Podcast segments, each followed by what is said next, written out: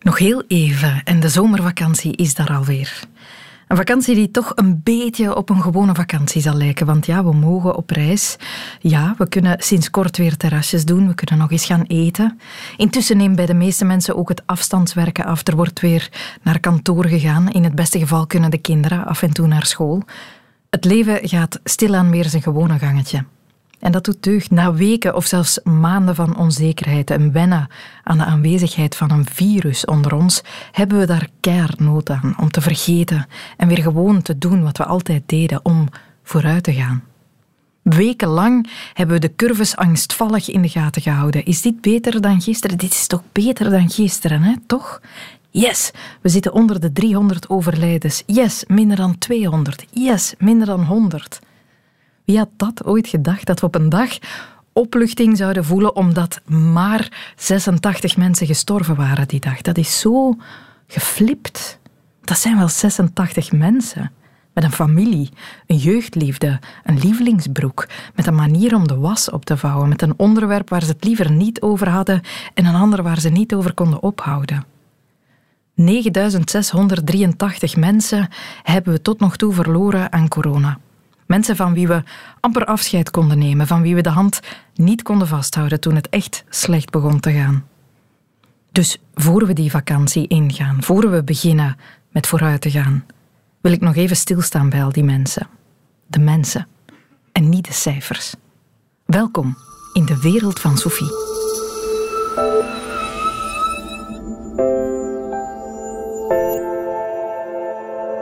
Isaura Kastermans. Zij overleed op 26 maart. Ze was verpleegster en amper 30 jaar oud. Wart sprak met haar ouders Johan en Sheila. Ja, daar staat ze, ja. ja.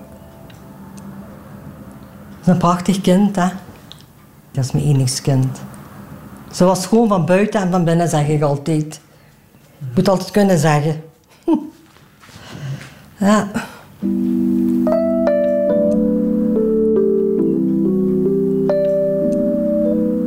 Haar naam komt van een soap. Ja, Isaura is de naam van een Braziliaanse soap. Ja, want zelfs daar in het ziekenhuis in Genk, want daar kreeg je complimenten hoe schoon ze was. En, en die naam dat die heel prachtig was en zo. Die pakte haar op de arm, heel fier gingen ze daar mee rond in het ziekenhuis. Ja, dat is gewoon voor te zien. Hè. Altijd, ze was altijd veel te goed. Veel te goed, zei ik altijd tegen haar. Ja. En dan zoiets moeten afgeven. Dat is waar, ja. ja. De bejaarden waar ze voor moest verzorgen, die moesten dus het, het allerbeste krijgen. Ja, daar kwam ze echt voor op. En daar kwam ze echt voor op. En dat ze ook het beste van het beste kregen. Ja, en als ze aardbeien bij had, dan deelden ze dat uit. Ja. En dan had ze al plezier dat, dat die mensen al zo met smaak aan eten was, ja, dat zegt ook al veel. Hè. Je zou moest altijd als uh, dienst had in, in het bejaardentehuis, moest hij de ronde maken met uh, de dokter die dus naar zijn uh, patiënten kwam. En die dokter die heeft ons dan een kaartje gestuurd toen Isaura overleden was. En dat kaartje heeft ons echt geraakt, want hij schrijft het volgende.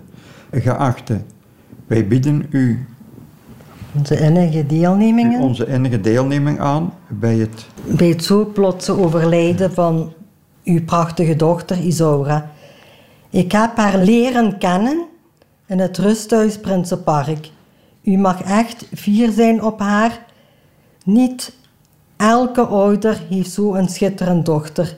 Supergoed voor de patiënten en toewijding 100%. Ja, dat schreef hij dan. Hè.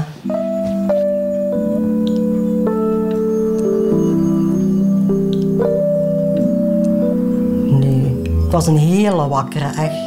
Een hele wakker persoon, echt. En veel te slim, Johan. Maar ze kon, wat ze niet kon verdragen als kind, niet dan als, als oudere. Toen ze ouder was, niet dat was als iemand van ons twee pijn had. Nee, kon ze ook niet Dat kon ze niet meer overwachten, dat kon ze niet hebben. Als ik niercrisis had, vroeger had ik nierstenen. En ik verstopte dat wat voor haar. ik had een schuif.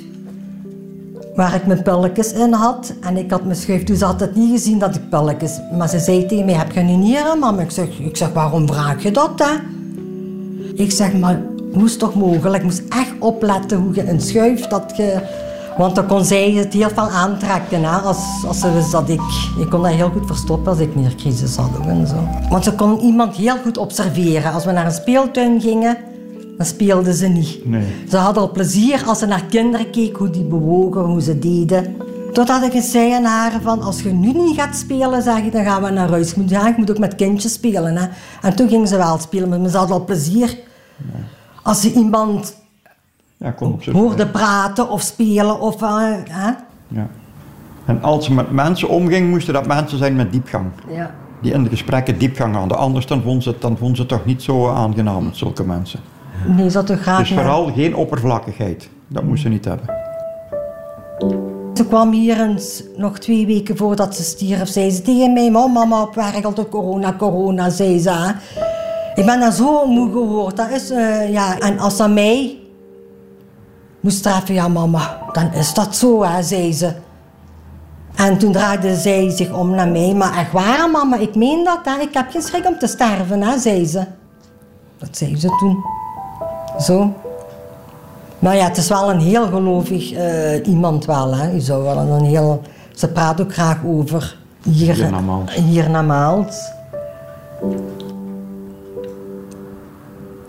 Dus eh, voor mij had ze het gevoel dat haar tijd ging komen.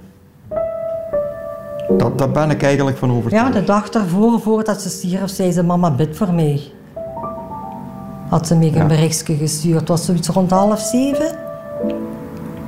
En een half uur voordat ze stierf, belde ze mij op. Bedankte ze mij voor het eten en al. Want ze zei, mama, zegt ze, "hè, wilt je koken voor mij dag daarvoor? Want ik voel me toch niet zo heel... eh, ik zei, dat zeker poppetje, ik. hè. Ik zeg, zeg maar. En ik had er voor vier dagen gekookt of fruit wat meegegeven, een beetje groente. En ik had dan de voormiddag gebracht en ze had me dan een half uur voordat ze dan die aanval heeft gehad dan. Gebeld, mama, bedankt voor alle eten en zo. Ik zeg, maar poppetje, zeg, als, als het niet eh, gaat, dan belt je mij maar op en ik breng u nog, ja. Ja, zegt ze, ik heb nu de venster open gedaan van de slaapkamer. Die frisse lucht en ik ga me direct neerleggen en dat zal mij goed doen. Ik zeg, rust maar goed uit, dat meisje, zeg ik. Hè. Ik zeg, als iets is, dan belt je me maar op en ik breng u wel, hè. En toen een half uur, een uurtje daarna. Wie had, wie had gedacht dat dat de afscheid was, hè? Ik heb haar stem nog mogen horen. Ze heeft toch ook ten volle geleefd? Ik vind wel dat ze ten volle geleefd heeft, die 30 jaren. Hè. Nou ja. Toch 30 mooie jaren gehad met haar. Ja, we zijn dankbaar dat we haar 30 jaar hebben mogen opvoeden.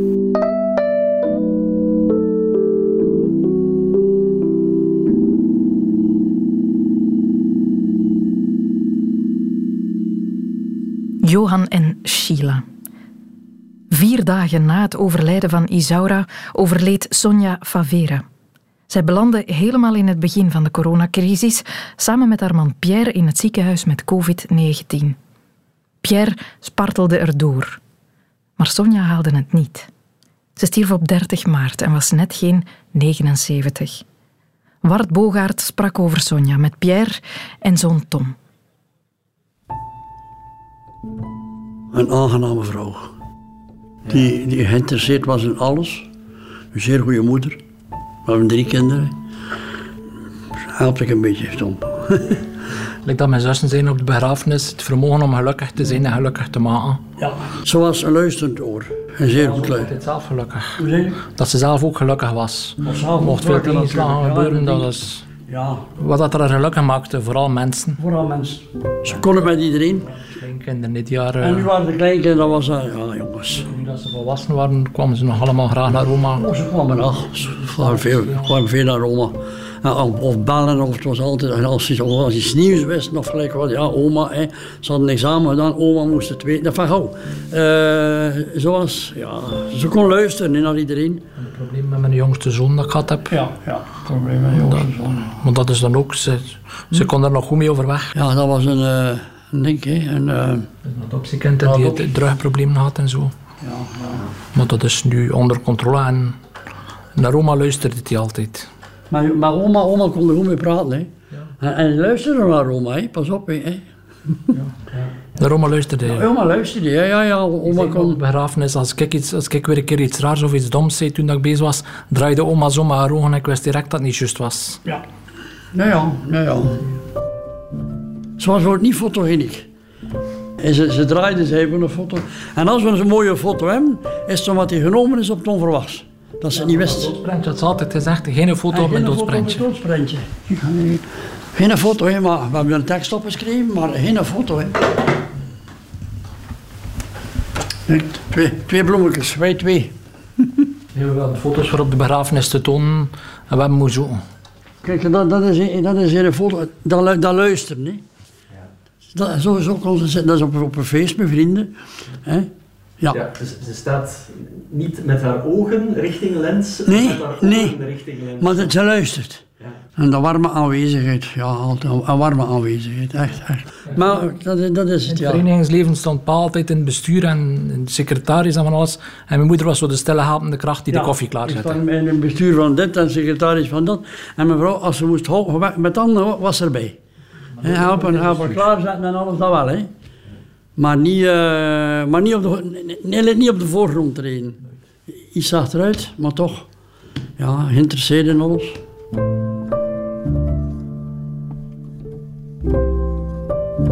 Ze is eigenlijk eh, plezierig door het leven gegaan. Pas op, hè. eh. Ze zei altijd van, als ik sterf, de laatste jaren, ik niet meer wenen. Kijk, ik heb een schoon leven gehad. Ja, dat was En ze was nog dan niet ziek of zo. Het was gewoon Ja, van, ik heb een schoolleven gehad, enfin, eh moet me niet beklagen. Ja. jullie gaan mij zien sterven, dan moet dan geen verdriet hebben. Het is het leven. Ik moest geen verdriet hebben, dat zei zo. Als ik een bericht stuurde of belde, zei ze altijd, als ze in het ziekenhuis was, van, het had alle dagen een beetje beter.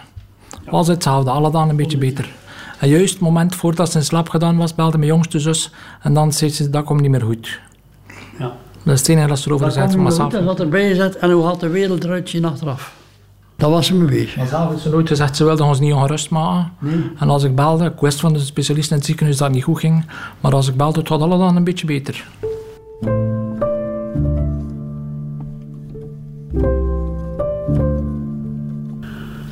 Ja. Het was zo een leven, een gelukkig leven, maar zonder, zonder grote pieken en dalen. ja. Een rustig gelukkig leven. Als ik uh, mij in een zetel zet, maar ik zie die foto staan. Hè. En eh, dan zeg ik, ja, omaatje, omaatje, hoe is het mogelijk? En dan, dan heb ik wel liggen in de trance. We spraken elkaar altijd dan met de oma. Voor, voor ons en voor mijn zussen ook is het nog altijd nog niet realistisch zo. Ja, ja. Vooral dan nu, nu zijn we nu zijn bezig met de zorg rond opa. We hebben zo'n een tijd niet gehad voor het verdriet van oma. Ja, ja. We zijn bezig met de zorg rond opa en alles te regelen. ja. Toen dat opa in het ziekenhuis was met corona, is er een uitgezaaide longkanker ontdekt. En het was niet operabel en dan is er eh, beslist geweest van het eerst niet te zeggen tegen opa, toen te wachten tot hij hersteld was en toen aan de begrafenis van oma. En dan is hem gezegd dat hij uitgezaaide longkanker had en dat hij chemotherapie ging moeten krijgen. Die is nu bezig. Dat was een slag. Ja, van twee gezonde mensen in, Ja, in- twee in een mensen zijn op een korte tijd. Hè? Ja, ja. Ik, eh, ik heb nog altijd de indruk dat ik mijn rouwproces niet had. Ik, ben, ik denk te veel aan mezelf.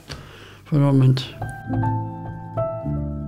Ja, en zo moet het eindigen. Jammer.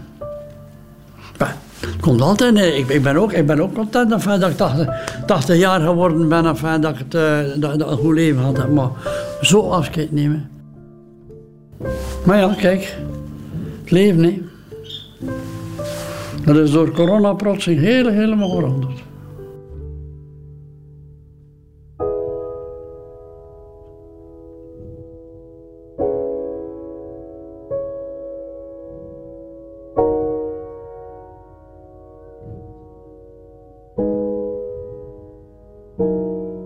Speaking of the end, I'm running a new race.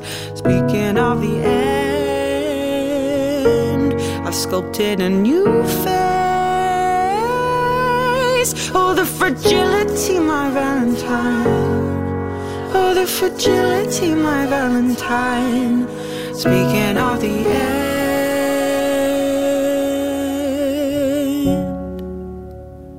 6 april, zes dagen nadat Sonja Favere overleed, deed de voormalige televisiepresentatrice Marleen Gorts een oproep in de kranten. Blijf in uw kot. Hou je aan de coronamaatregelen.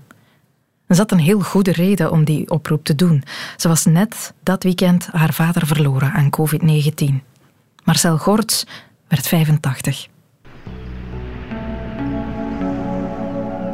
Mijn vader was een beetje een rebel, wat ook op zijn, op zijn rouwkaartje staat. In de zin van dat hij zich niet, niks aantrok van ehm, wat mensen dachten. Of ehm, altijd bezig met zijn eigen ding. Of het nu was fotograferen of schilderen. Of, en dan ging hij naar de kunstacademie en dan deed hij het zoals hij het wou. En leverde soms wel stevige discussies op met uh, heel veel mensen zei ook altijd wat dat hij dacht. Hij was iemand die een beetje uh, het systeem in vraag stelde, vrij kritisch was. Hij las ontzettend veel en geen romans. Um, dus als je iets wou lezen, dan keek hij naar de kast van papa en dan stak het er wel in.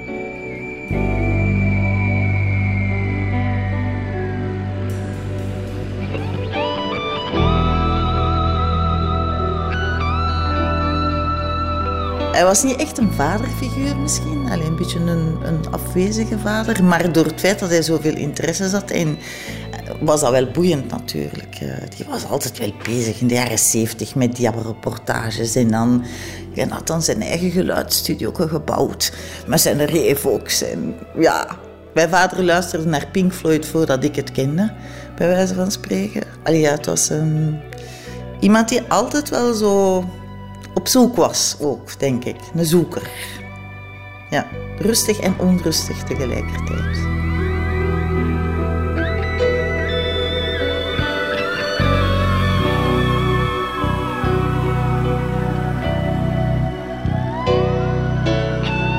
Mijn vader had graag fotografie gestudeerd, uh, aan de basis. Maar en die had drie broers die al alle drie naar de universiteit geweest waren. En hij was de jongste. En dat vond hem maar niks. Dus hij is gaan onderwijzer studeren in Brussel, in Karel Buls.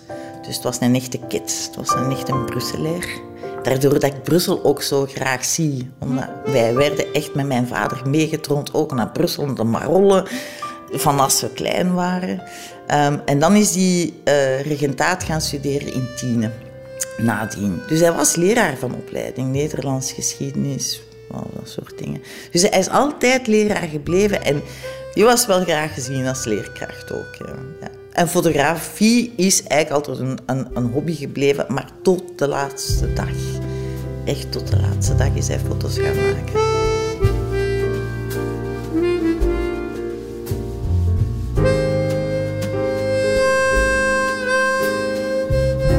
Ja, maar hij was ook rebels in de school. Hè. Hij heeft heel vaak tegen de karren van de directie gereden en, en dat soort dingen. Dus eh, ja, als het hem niet aan stond, stond het hem niet aan. En hij had daar altijd wel zijn goede reden voor. En met de leerlingen nog, ze noemden die een Jim de Cowboy. Allee, kun, kun je je wel voorstellen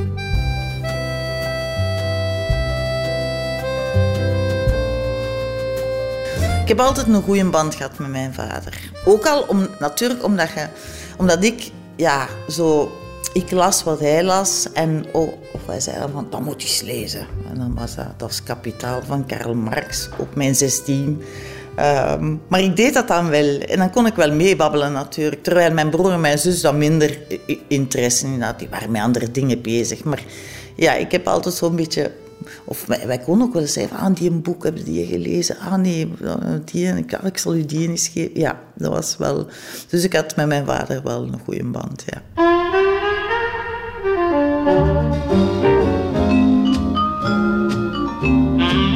Als ik zo 12, 13 was, dan reden wij, gingen wij op vakantie voor een maand naar Spanje.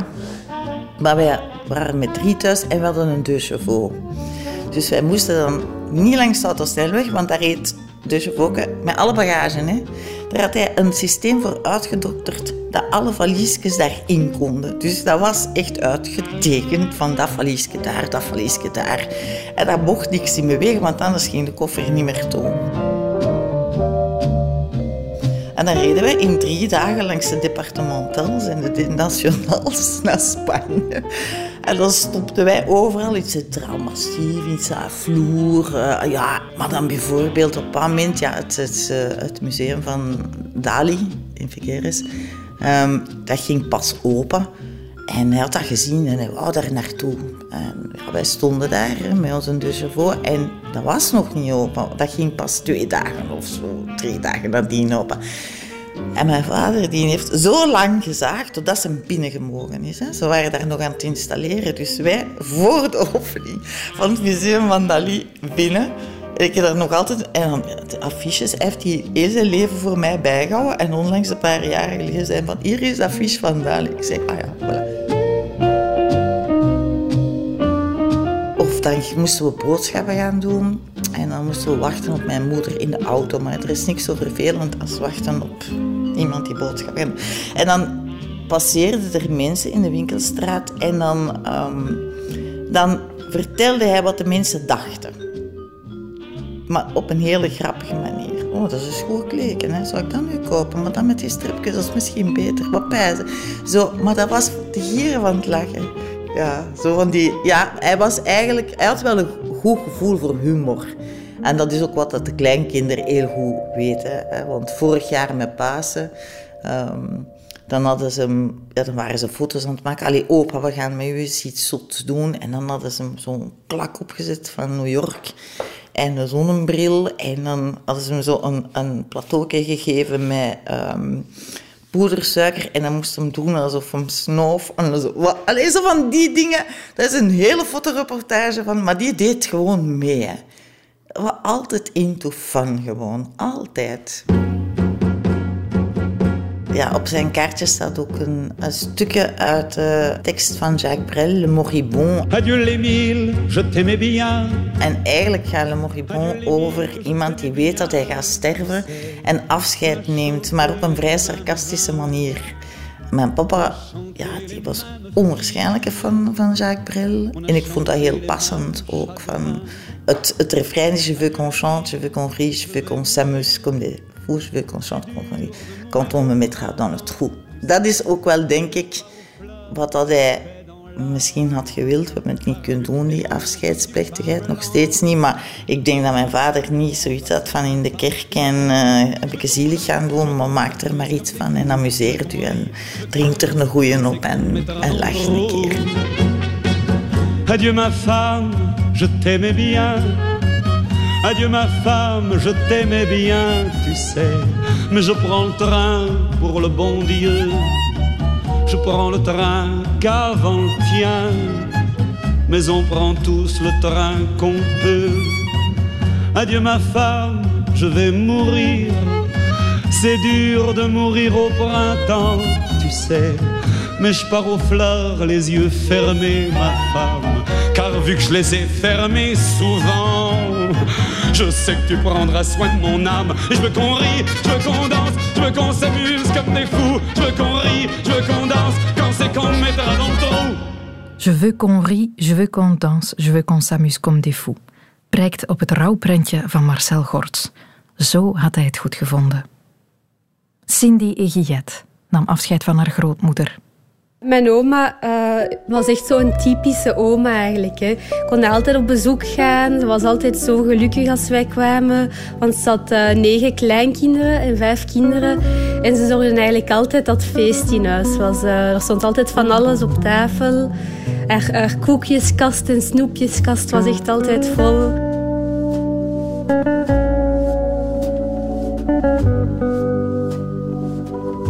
Het was echt zo'n lieve oma, een, een toffe oma. Ze lachte super graag. Heel veel liefde gegeven. Eigenlijk een sterke vrouw. Nou, want daarom als ik soms denk van oei, uh, dat, dat, is heel moeilijk, dan denk ik altijd van uh, mijn oma heeft voor hetere vuren gestaan en, ze, en bij haar is het eigenlijk wel gelukt.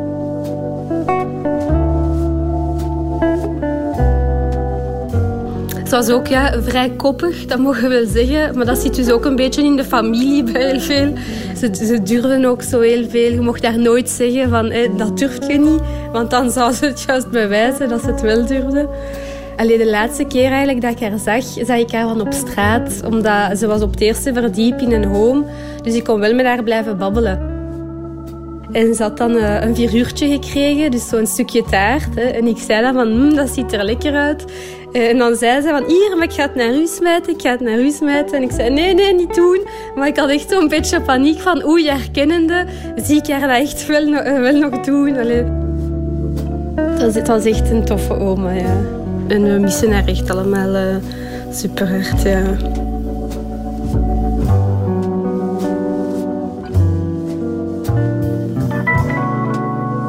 Hubertina Moors werd 90 jaar oud. Hubertina is één van die 9683 mensen in de statistieken. Eén van die mensen die we de voorbije weken hebben verloren.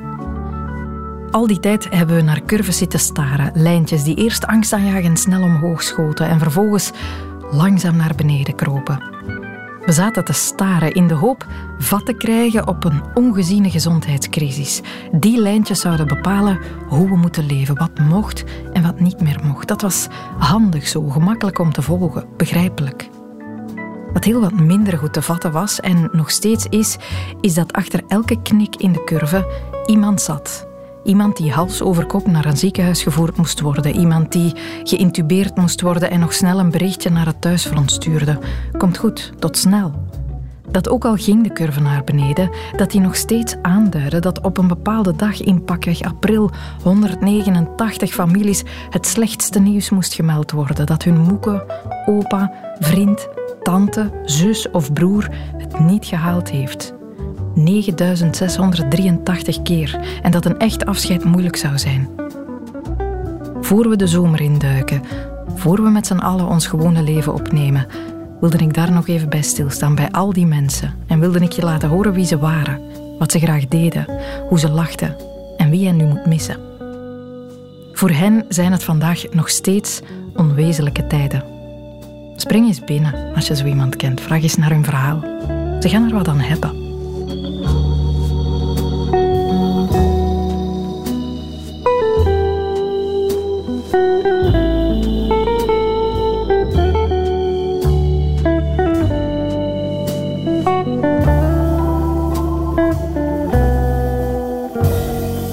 Was de wereld van Sophie over onze coronaslachtoffers. Je kan je altijd abonneren, dan krijg je nieuwe afleveringen van deze podcast vanzelf toegestuurd. En je hoort ons natuurlijk ook elke weekdag tussen 10 en 12 op Radio 1. Tot gauw.